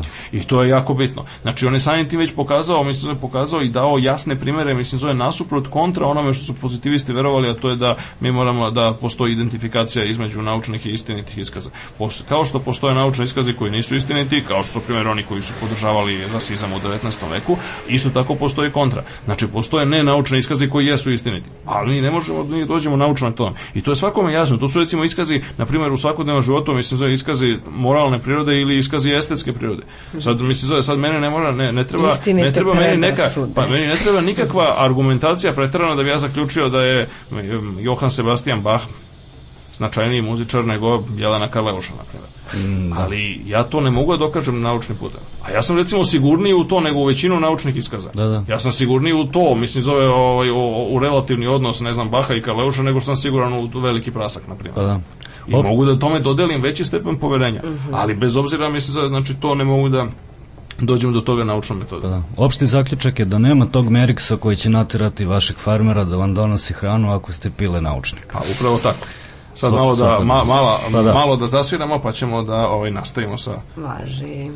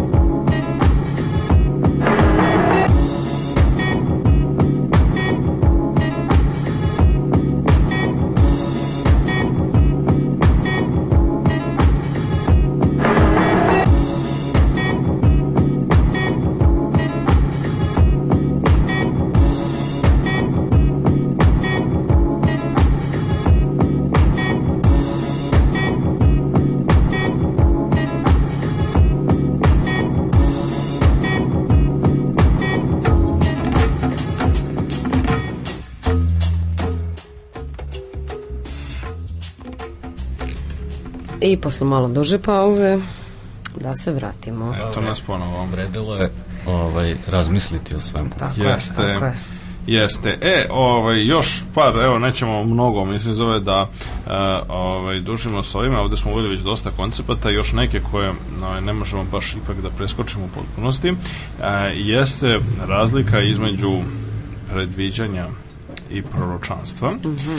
e, na koje je Popper insistirao i to je sad, to nije, to jeste zapravo deo, mislim, zove striktno govoreći, mislim, ove drugog aspekta njegovog filozofskog dela, to jest političke filozofije, ali je i tekako, mislim, zove relevantno i za filozofiju nauke. Naime, on pokazuje, i to je veoma interesantno, on je, a, znači, zapravo razliku utvrdio nešto što je u engleskom relativno lakše uh, e, zato što tamo postoje baš drastično različite reči. E, kod nas se vrlo često predviđanje, mislim, zapravo koristi u istom značenju kao i proročanstvo. I to, ta, ta razlika nije tako jasna, mislim, kao što je na engleskom, pošto prediction i prophecy zapravo nemaju Mislim, tamo imaju mnogo manje zajedničkih crta, mislim, mnogo manje se koriste u istom kontekstu nego, ne, nego kod nas. E sad, Popper je pokazao da, recimo, čak i u klasičnoj fizici zapravo savršeno predviđanje nemoguće. E, I on je imao u broju 1, mislim, zove, u prvom broju e, časopisa e, koji je tada počeo da izlaze 1150 i prve, ako se ne varam, ili tako nešto. To je British Journal for Philosophy of Science, jedan jako dobar, jako dobar časopis, možda i najbolji u toj oblasti. A, dakle, on, Popper je objavio tamo rad u kome je insistirao na tome da zapravo ono što je Laplace zamišljao, a to je da bi nekako savršeno biće, mislim, zove demon ili anđeo ili tako nešto, moglo da a, zapravo predvidi celokupnu istoriju klasičnog sveta, tako što će samo znati sve znači, položaj i brzina čestica u jednom trenutku, mislim zove, a takođe i da vrati unazad pa da vidi su prethodnu istoriju, mislim zove, takođe koristeći samo Newtonove zakone. E sad, to može bude tako ako je to biće izvan samog sveta, ako mi pretpostavimo da nema ništa izvan sveta, onda čak i uno, sa, bez obzira kako pouzdane i kako, ne znam, kakve već mašine i, i procedure koristili unutar samog sveta, mi ne možemo čak i kada bi važila potpunost i klasična deterministička fizika, ne bismo mogli da savršeno pouzdano predvidimo buduće događaje. E, ali, sad to ništa nam ne, ne, to ne govori o tome zapravo da mi treba da odustanemo od predviđanja naprotiv Popper insistira na tome da predviđanje je suštinski zadatak nauke sad to bilo predviđanje rezultata narednog eksperimenta ili budućih posmatranja ili budućih fenomena to je apsolutno mislim da je jedan od suštinskih zadataka nauke, ako ne i glavni. Mm, a sa druge strane ono što je proročanstvo mislim da je to je je li mitološka i ne ne naučna kategorija. Tako da to je jedna jedna bitna stvar. Znači ono što mm, po čemu mi diskriminišemo hipoteze jeste po tome što kakva imaju predviđanja, odnosno šta one predviđaju da će biti rezultati budućih eksperimenata. A, to je jedna e, je jedan jedan bitan par koncepata. Drugi bitan par koncepata jeste da ono što nam ostane nakon falsifikacije jesu hipoteze koje su podržane, a ne potvrđene. I sad to je sad jedna opet razlika koja je u srpskom nedovoljno ono subtilna. E, na engleskom imamo e, razliku između corroboration i confirmation. Znači corroboration je podržavanje i to je jedino ono što je legitimno, a potvrđivanje mislim confirmation po poperu mislim zove je ovaj samo tako ostatak pozitivističke, mislim, zove slike sveta, koji zapravo se ne može, mislim, nikada ne možemo biti sigurni da je nešto potvrđeno, mislim, da Znači, može biti samo podržano, mislim, zove svim dotadašnjim empirijskim nalazima. I u tom smislu reči, e, dakle, on se potpuno slaže sa onime što su veliki ljudi inače i ranije znali, mislim, zove, ja, dakle, Albert Einstein je lepo napisao, mislim, zove, nema logičkih logičkog puta koji vodi do univerzalnih prirodnih zakona nauke. Oni se mogu dostići, kako Einstein kaže, samo intuicijom, zasnovano na nečemu nalik na intelektualnoj ljubavi prema objektima, mislim, zove proučavanja to je ovako moj slobodni, slobodni ovaj, impromptu prevod. A, a to je recimo bukvalno ono što zapravo Popperova, Poperov falsifikacionizam zapravo direktno afirmiše. A to je da mi ovaj, na neki način a, e, znači nema, nema nekog univerzalnog algoritma, a ono što mislim zove mi dolazimo do ideja na neki intuitivan i ne nužno, mislim, zove racionalan način, ali onda nakon toga podvrgavamo ih racionalnoj proceduri koja zapravo jeste, znači, falsifikacija kao suština suština naučnog metoda. E, ima jako mnogo, mislim, zove primjera ovoga, mislim, dakle, primjeri, e, znači, za to su IHH, mislim, zove, znači, ono što ono što počnemo, mislim, zove, recimo, jeste kad ako nema mogućnosti ga gledaju da se izvrši falsifikacija. To je recimo slučaj kod psihoanalize. Kod drugi slučaj su recimo, ne znam, vanzemaljske otmice, na primjer. To je ovako isto dobar primjer. Sa Zapravo, mislim, zove do, znači, ovi e, ljudi koji tvrde da su ih hoteli vanzemaljci, mislim, zove, oni teže da daju, mislim, zove strogo, mislim, teže da daju relativno slične iskaze, a sa druge strane, međutim, nemoguće, nikad nema nikad nema, mislim zove tako, dovoljno stvari ili nikad nema ničega na osnovu čega bi se mogli, mislim zove, što bi, na što bi se možda, na, na, na osnovu čega bi se mogle ovaj, pobiti njihovi iskazi.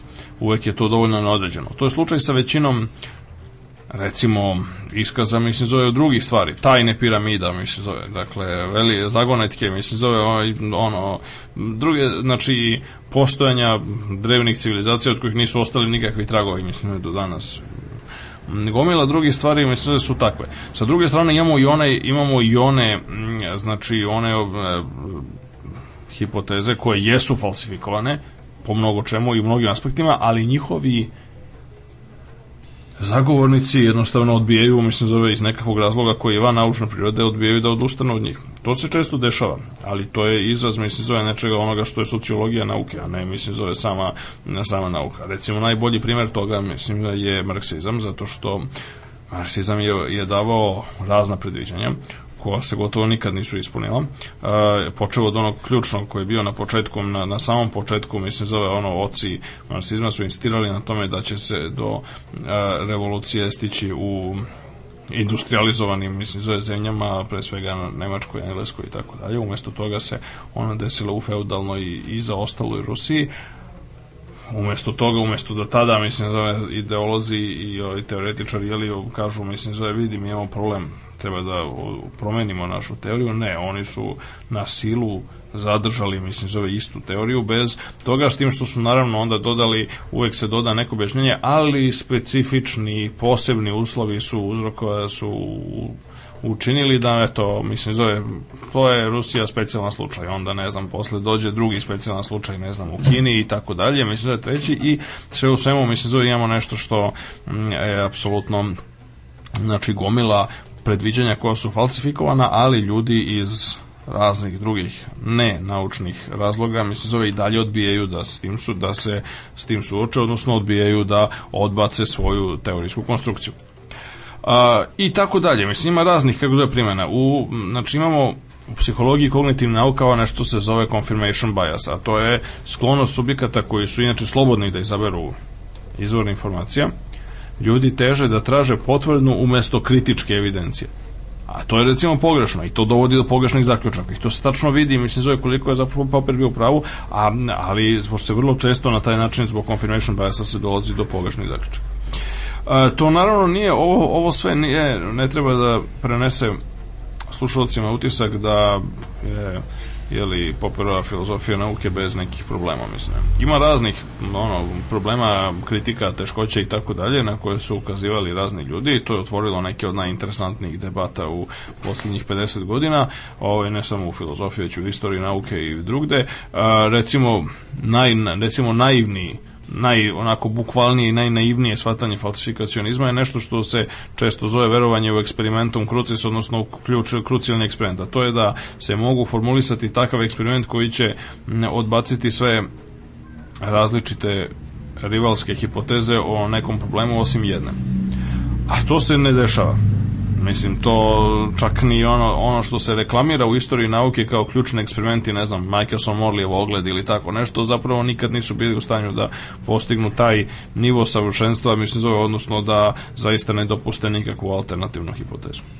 Dakle, to je nešto se ne dešava. E sad, naravno, mislim zove, to ovaj, sam Popper je bio svestan toga i on je u, u mnogome, o, ovaj, kako da kažem, usložnio je, mislim, zove svoje e, ideje i pokazao da zapravo mi treba da govorimo o ne o ne nužno o bukvalnom i direktnom pobijanju, nego često o nečemu što je samo statističko pobijanje, odnosno mislim mi možemo samo da kažemo da je to, mislim postoji jako mala verovatnoća, mislim zove da neke alternativne hipoteze, mislim zove, budu podržane u odnosu na onu jednu koju, koju smatramo, mislim zove da je, da je prošla test. E sad, šta znači mala verovatnoća? Tu, tu sad suočavamo sa novim problemom, šta znači mala verovatnoća? Mislim, da li je 1% mala verovatnoća? Ili 10 na minus 10 ili tako nešto. Kad je ta verovatnoća, kad je verovatnoća da treba da prihvatimo alternativni pogled na svet dovoljno mala? I sad to su teška pitanja koja vode do nekih debata koje se i dan danas nastavljaju, mislim, zove vezano i za interpretaciju, za to šta je zapravo verovatnoća i tako dalje. Pošto većina stvari u nauci realno jeste samo probabilistička, znači u većini stvari mislim da dobijamo samo verovatnoće, a ne nekakav binarni odgovor 0 ili 1. Uh, ok, uh, Thomas Kuhn, jedan od najvećih istoričara nauke, mislim je možda i naj, najveći u 20. veku, je uh, kritikovao Popera sa istorijskog stanovišta po tome što je tvrdio i pokazivao da uprkos falsifikaciji neke velike, mislim zove teorije, znači uprkos tome što falsifikao opstaju, o, sve dok njihovi zagovornici biološki ne pomiru, mislim. I sve dok se ne dođe do, do te promene. I sad, to je i dalje otvoreno pitanje, mislim, zove dosta diskutivno, mada ono više pripada, više spada u ono što bi se moglo nazvati sociologija sociologija nauke, znači u kojoj meri, mislim, zove su ljudi lično podložni, mislim, zove promeni gledišta, posebno još ako se to dodaju, mislim, zove razne te stvari koje su vezane za akademski status za, mislim, u krajnjoj instanci, mislim, zove ono i ekonomski status i ono i na kraju krajeva pitanje koliko je odgovarajuća paradigma prihvatljiva u, u, u ideološkom okviru i tako dalje, nešto o tome na samom kraju ovaj, kad budemo govorili o, o onoj knjizi o kojoj ćemo govorimo danas e, i ono što je to je takođe jedan veliki problem onda Uh, danas savremena ono, fil, istorija i filozofije nauke, ono što se češće naziva science studies, odnosno science and technology studies, SST, o čemu smo govorili u jednoj od prvih radiogalaksija na samom početku, a, dakle su na neki način nastale, izrasle iz a, te polemike, mi se zove, hajde da kažemo, ono Popera i njegovih kritičara i mislim zove saradnika i delimično kritičara kao što su bili Kuhn, kao što je bio kasnije Paul Feyerabend i kao što su još neki savremeni filozofi, istoričari nauke, tako da je to, ovaj, to je i dan dan, ali to samo potvrđuje i pokazuje njegov uticaj i značaj. I to je, dakle, e, to, ta vrsta polemike koja se nastavlja, mislim, i dan dana, samog Popera najviše radova. On je, između ostalih stvari, među mnogim mudrim rečima, aforizmima i, i, i sentencama, mislim, on je izjavio da najveći kompliment koji nekome činite jeste da ga kritikujete. I sad kada se to shvati, mislim, zove na pravi način, onda se mnogi problemi rešavaju i ne samo u nauci, nego i u društvu i međuljudskim odnosima i tako dalje. Znači, kada se shvati, mislim, zove da je za razliku od običajne normativne prakse, nažalost i ono i u svakodnevnom životu naučnika takođe se to može često sresti. Mislim, ne shvata se da je kritika apsolutno ovaj, ono, znači, izraz i u krajnjoj instanci lepog vaspitanja, mislim, ovaj, i, ovaj, i izraz nečega što je apsolutno sine qua non. Znači, poenta jeste da, znači, kritika aktivnosti, mislim, zove drugih naučnika je sama po sebi naučna aktivnost i to je i obavezan deo naučne aktivnosti. I to je ono što se, to se, tu se dotičemo još nekih mm, e, teških pitanja, a to je da, recimo, za razliku od umetnosti gde ipak postoje nekakvi profesionalni umetnički kritičari, pa sad onda tu postoji nekao sistem, ajde da kažemo, kontrole koji je organizovan e, nezavisno od same umetnosti, a e, ono što u, to, to u nauci nije slučaj, sad to je i dobro i loše, s jedne strane, e, je dobro zato što se na neki način podrazum, podrazumeva da je to nužna aktivnost i da je to obaveza svih ljudi koji u naučnom procesu učestvuju, ali sa druge strane mislim da se nažalost to predstavlja vrlo često izgovor mislim zove ljudima da se zapravo ne bave time i da se, to je na, razlog zašto se pogrešne mislim zove na pogrešni naučni iskazi koji opstaju često jako dugo mislim zove baš zbog toga što iz razno raznih razloga bilo usred čisto ono nemara i intelektualne lenjosti bilo usred nekih drugih stvari kao što na primjer da je onako neprobitačno ili može biti opasno kritikovati nekakvu vladajuću dogmu dogmu, a, dakle bila ona vladajuća, mislim zove ono u političkom, bilo u akademskom smislu, a, dakle da zbog toga opstaju stvari a, mnogo duže nego što bi trebalo. I ono što je e, ono, ono što jeste e, interesantno i na kraju bi završio još jednim citatom iz Popera i to upravo iz ove njegove mini autobiografije koja na neki način povezuje i njegovu tu liberalnu političku misao, mislim, zove sa onime što je za nas ovde značajno, to je za, e, za način na koji se, na koji, na koji nauka napreduje. A kaže Popper, Mnošto je mogućnosti za one koji žele da uče i za one koji žele da uživaju na najrazličitije načine. Ali možda najvažnija stvar da budemo uvek spremni da saslušamo obrazloženu kritiku i da budemo srećni zbog razumnih sugestija za dobrobit nas i našeg društva. Kraj citata. I sad, velika je to tema, ali u svakom slučaju svim slušalcima da preporučimo da čitaju mm -hmm. Ser Karla Popera. Tako je, tako je, do... Pa ćemo sad idemo na muziku, pa da se vratimo na rubriku pa da. Jedan pisac, jedna knjiga. Mm -hmm.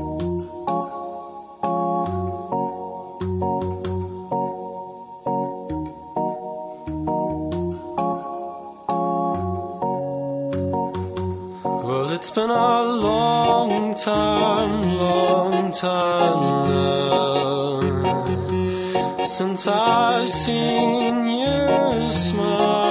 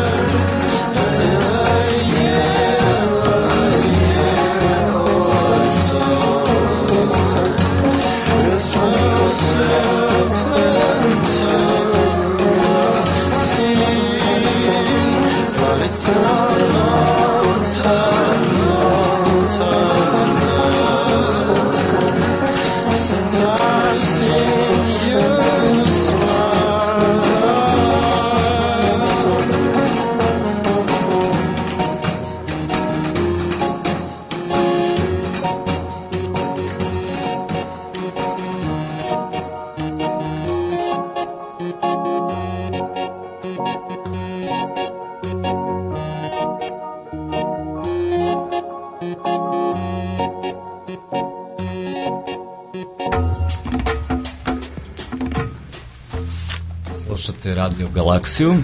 Došli smo do poslednje rubrike Jedan pisac, jedna knjiga. Jeste.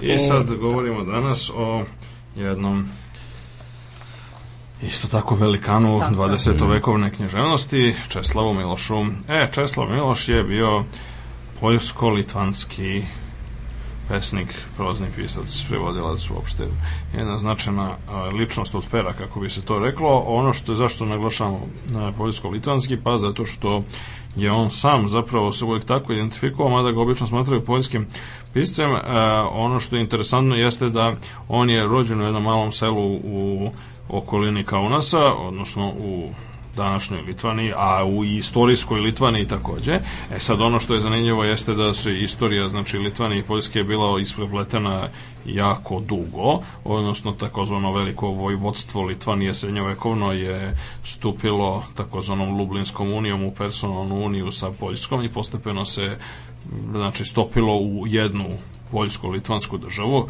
poljsko, kako to nazivaju istoričari često poljsko-litvanski Commonwealth, sam e, Česlav Miloš se identifikovao upravo sa tim znači sa tim jednim, sa tom starom, hajde da kažem, poljsko-litvanskom državom, tako da je sam insistirao na tome da je zapravo on istovremeno i Poljak i Litvanac i između ostalog, dakle, govorio je onako u svakodnevnom životu mislim zove zaista ono, koristio je najizmenično oba jezika a pored toga govori još još 4 5 raznih jezika i smatra se znači jednim od generalno ovako naj ovaj, učenijih i najpismenijih ljudi, najvećih intelektualaca 20. veka, e, znači 1180. godine je nagrađen i Nobelovom nagradom za knježevnost. E, on se inače rodio 1911. a umro je u dubokoj starosti 2004. Znači relativno skoro bila je vest u novinama o tome, mislim da opet naravno ne dovoljno i tako dalje, ali sve u svemu e, je on bio jedan od ljudi koji su eto srećom za razliku od mnogih drugih koje smo pomenuli u ovoj rubrici i generalno velikih stvaralaca, on je imao tu sreću da ovaj, za života ovaj, dobije jeli, bar delimično priznanje za svoj rad. A, znači, on je tokom, živao je u Poljskoj tokom um, pre drugog svjetskog rata i tokom rata, mislim da između ostalog je uh, usred posebno brutalne, dakle, nacističke okupacije Poljske, on je rizikujući život posećivao podzemne, ali da kažemo skrivene seminare jednog istaknutog poljskog istoričara i estetičara Vladislava Tatarkevića, e, što je, da je otkriven, mislim, zove značilo gotovo sigurnu smrt, pošto su u takozvanoj generalnom, generalnom ovaj, guvernmanu ili ovaj, znači generalno upravi Poljske, Zemljacičke, Nemačke su bile zabranjene sve, zatvoreni svi fakulteti, bile zabranjene sve, čak i osnovne i srednje škole bile zabranjene svaka vrsta intelektualne aktivnosti, pošto je to bila specifična hajde da kažemo, eksperimentalna zona ovaj, u Trećem rehu. A, ono što je bilo interesantno jeste da on čovjek preživeo znači nacizam ovaj, uspješno, a takođe boga mi i komunizam jedno e, vreme, to jest do 1151. 51. godine uspio da pobegne i da dobije politički azil u Francuskoj gde je živeo nakon toga još deseta godina, nakon čega je emigrirao u Sjedinje države i a, od 1961 pa praktično do smrti je predavao slavistiku i istočnjačku književnost na Univerzitetu Kalifornije u Berkleyu. I ono što je interesantno jeste da je tamo i dobio Nobelovu nagradu i što je e, ovaj, između ostalog privuklo pažnju po tome što dakle u Berkleyu je bila dosta nobelovaca iz raznih nauka, on je bio jedin i ostao do dana današnjeg jedini iz ovih, kako bi se reklo, društvenih i humanističkih disciplina, mislim da je dobitnik tog priznanja i onda je shodno tome, mislim, Zoe uživa posebne ovako neke počasti i mislim Zoe ljudi su bili posebno ovako srećni zbog toga. E, pred sam kraj života, mislim, da on se vratio u Poljsku, on je umro 2004. u Krakovu između ostalog. E sad, pored mnogih knjiga, pre svega poezije, mislim zove njegova poezija najznačajnija i najviše zapravo, mislim zove je u, on, naj, najviše, najviše moje priznanje odano zbog poezije i ne, u suštini njegova zimska zvona, mislim zove najčuvenija zbirka, zbirka poezije koja je objavljena 1985. je mm, ove, ovaj, zapravo, ali je, mislim, objavljena je kao zbirka, njene pesme su kružile još i ranije, je bila jedna od najznačajnijih faktora, mislim, za ove između ostalog i za dobijanje Nobelove nagrade. Ono što, e, međutim, je takođe značajno su njegova prozna i eseistička dela i najpoznatije, mislim, zove delo te vrste, jeste knjiga ova koju ćemo govoriti, a to je Zarobljeni um, koja je jako čudna knjiga, zato što mi smo ovde uglavnom do sada pričali o romanima, imali smo i par nekih ovaj, eseističkih primere eseistike i poezije. E, Zarobljeni um nije tako lako klasifikovati, zato što na prvi pogled to jeste jedna diskurzivna, mislim, zove i esistična knjiga, sa druge strane on ima elemente proznog dela i romana u najmanju ruku zbog toga što se što ima glavne likove. E sad obično znači diskurzivne non-fiction esističke knjige obično mi se zove nemaju glavne likove, posebno nemaju na taj način mislim da je mm, ono živahno i živopisno dočarano, a, a zarobljeni um ima i to čak četvoricu. A, sad oni imaju vrlo čudna imena, naime oni se zovu alfa, beta, gama i delta. Mislim, e, sad zašto je to tako? Pa jedan, od, jedna od, jedan od faktora jeste u tome što na taj način se kao u onoj pa kao i kod u drugim nekim distopijskim knjigama recimo u romanu Evgenije Zamjatina Mi, gde su ljudi o, znači, označeni samo brojevima, mislim zove, da ili kod recimo Huxleyon vrlo novom svetu, gde duše imaju imena, ali imaju one klasifikacije kasta, mislim zove, da li su ono tamo alfa Super, plus, beta minus da, i da. tako dalje. Ovaj onda ne, ovde je to do nekle mislim zove dočarava tu bezličnost mislim zove totalitarnih sistema o čemu ovaj Česlav Miloš i piše, a međutim daleko prozaični razlog jeste što ovaj što što su ti ljudi bili živi i što ta knjiga koja je objavljena 1953. znači neposredno nakon njegovog e, bekstva u Francusku e, je objavljena u Parizu originalno, dakle je moglo je dakle bi direktno ugrozila njihovu fizičku egzistenciju, mislim zove da su njihovi identiteti, pošto su oni imali pošto su oni rađeni na osnovu stvarnih ljudi, e, dakle da su oni zaista objavljeni. Danas se zna, mislim oni u suštini nose ovako pomalo zabavne nazive, mislim zove, kaže Alfa moralista, Beta razočarani ljubavnik, Gama rob istorije i Delta trubadur.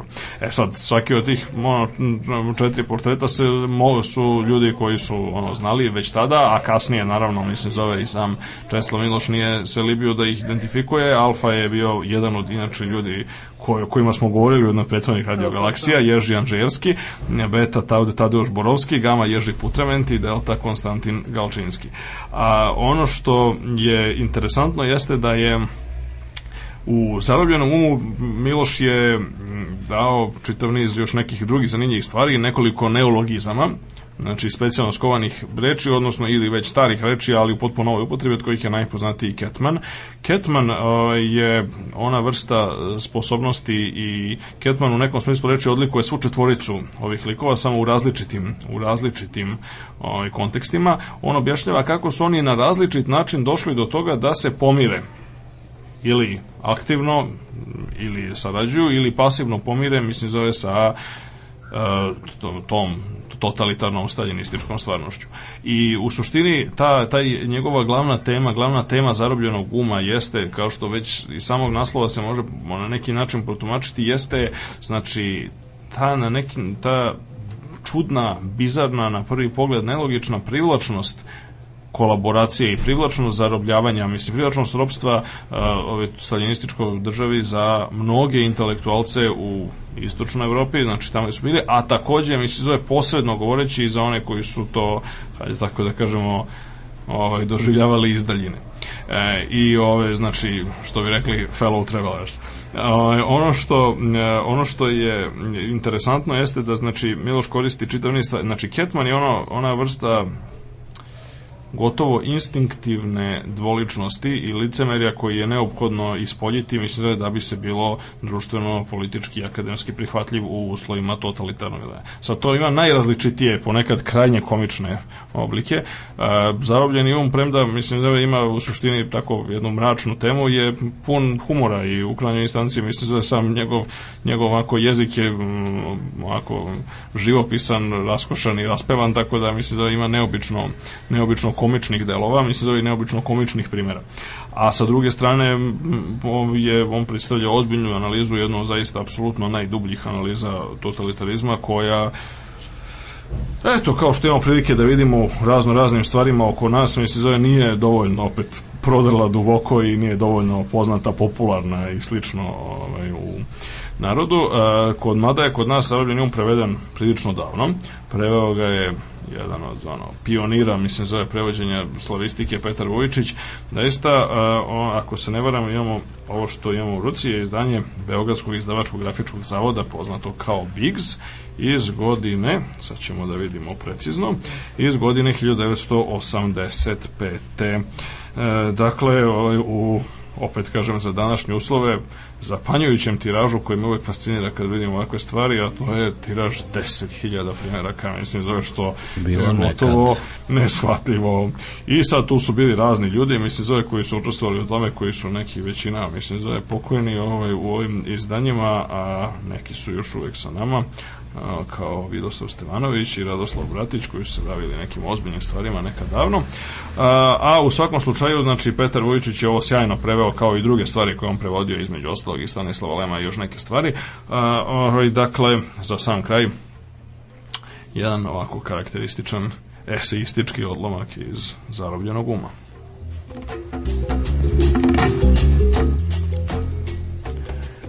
U zemljama nove vere gradovi gube svoje nekadašnje lice. Likvidiranje sitnih privatnih preduzeća daje ulicama kruti zvaničan izgled. Zbog stalnog nedostatka područnih dovara gomila je siva i monolitno siromašna. Čak i ako se pojavljuje područna roba, ona je jedna i to drugorazredne vrste. Strah parališe individualnosti i tera ih da u pokretima odevanju izazima lica postaju što sličniji prosečnom tipu. Gradovi se ispunjavaju tipom ljudi koji vladajući rado vide – niski, kvadratni muškarci, žene kratkih nogu, širokih bedara. To je proletarski tip, preterano kultivisan zahvaljujući obavezujućim estetskim uzorima. Iste okrugle žene i kvadratni muškarci mogli i potpuno da promene svoj izgled pod utjecajem filma, slikarstva ili mode, gde je, se zapravo pokazuje volja da se postane sličan uzorima koji pokazuju sredstva masovne komunikacije kako bi utjecala u jednakoj, ako ne u većoj meri nego način ishrane. Ulice, fabrike, mesta okupljanja puni su crvenih platana sa parolama i zastavama. Arhitektura novih zgrada je monumentalna i deprimirajuća. Ne govorimo o rekonstrukcijama. Lakoća i veselost u arhitekturi osuđuju se kao formalizam. Količina estetskih doživljaja koju dobija stanovnik gradova nove vere neobično je ograničena. I jedino mesto draži je pozorište, jer ako postoji magija pozorišta, čak i ako je sputana propisima socijalističkog realizma koji određuje sadržinu komada i vrstu dekora, ovi poslednji ne treba da daju mogućnost da se pokaže dekoraterova mašta. Otuda ogroman uspeh koji kod publike imaju komadi starih autora, na primjer Šekspira, jer njihova fantastičnost pobeđuje čak i u granicama naturalističke inscenacije. Glad za čuđenjem u zemljama nove vere je tako velika da bi moralo da navodi vladajuće da se zamisle, ali verovatno ih ne navodi, jer oni ipak na to gledaju samo kao na relikte prošlosti. Poštovani slušalci, slušali ste još jednu radio akciju na Novom radiju Beogradu. Milan, hvala ti. Molim, nema na čemu, do slušanja naredne nedelje. Tako je, doviđenja. Prijatno.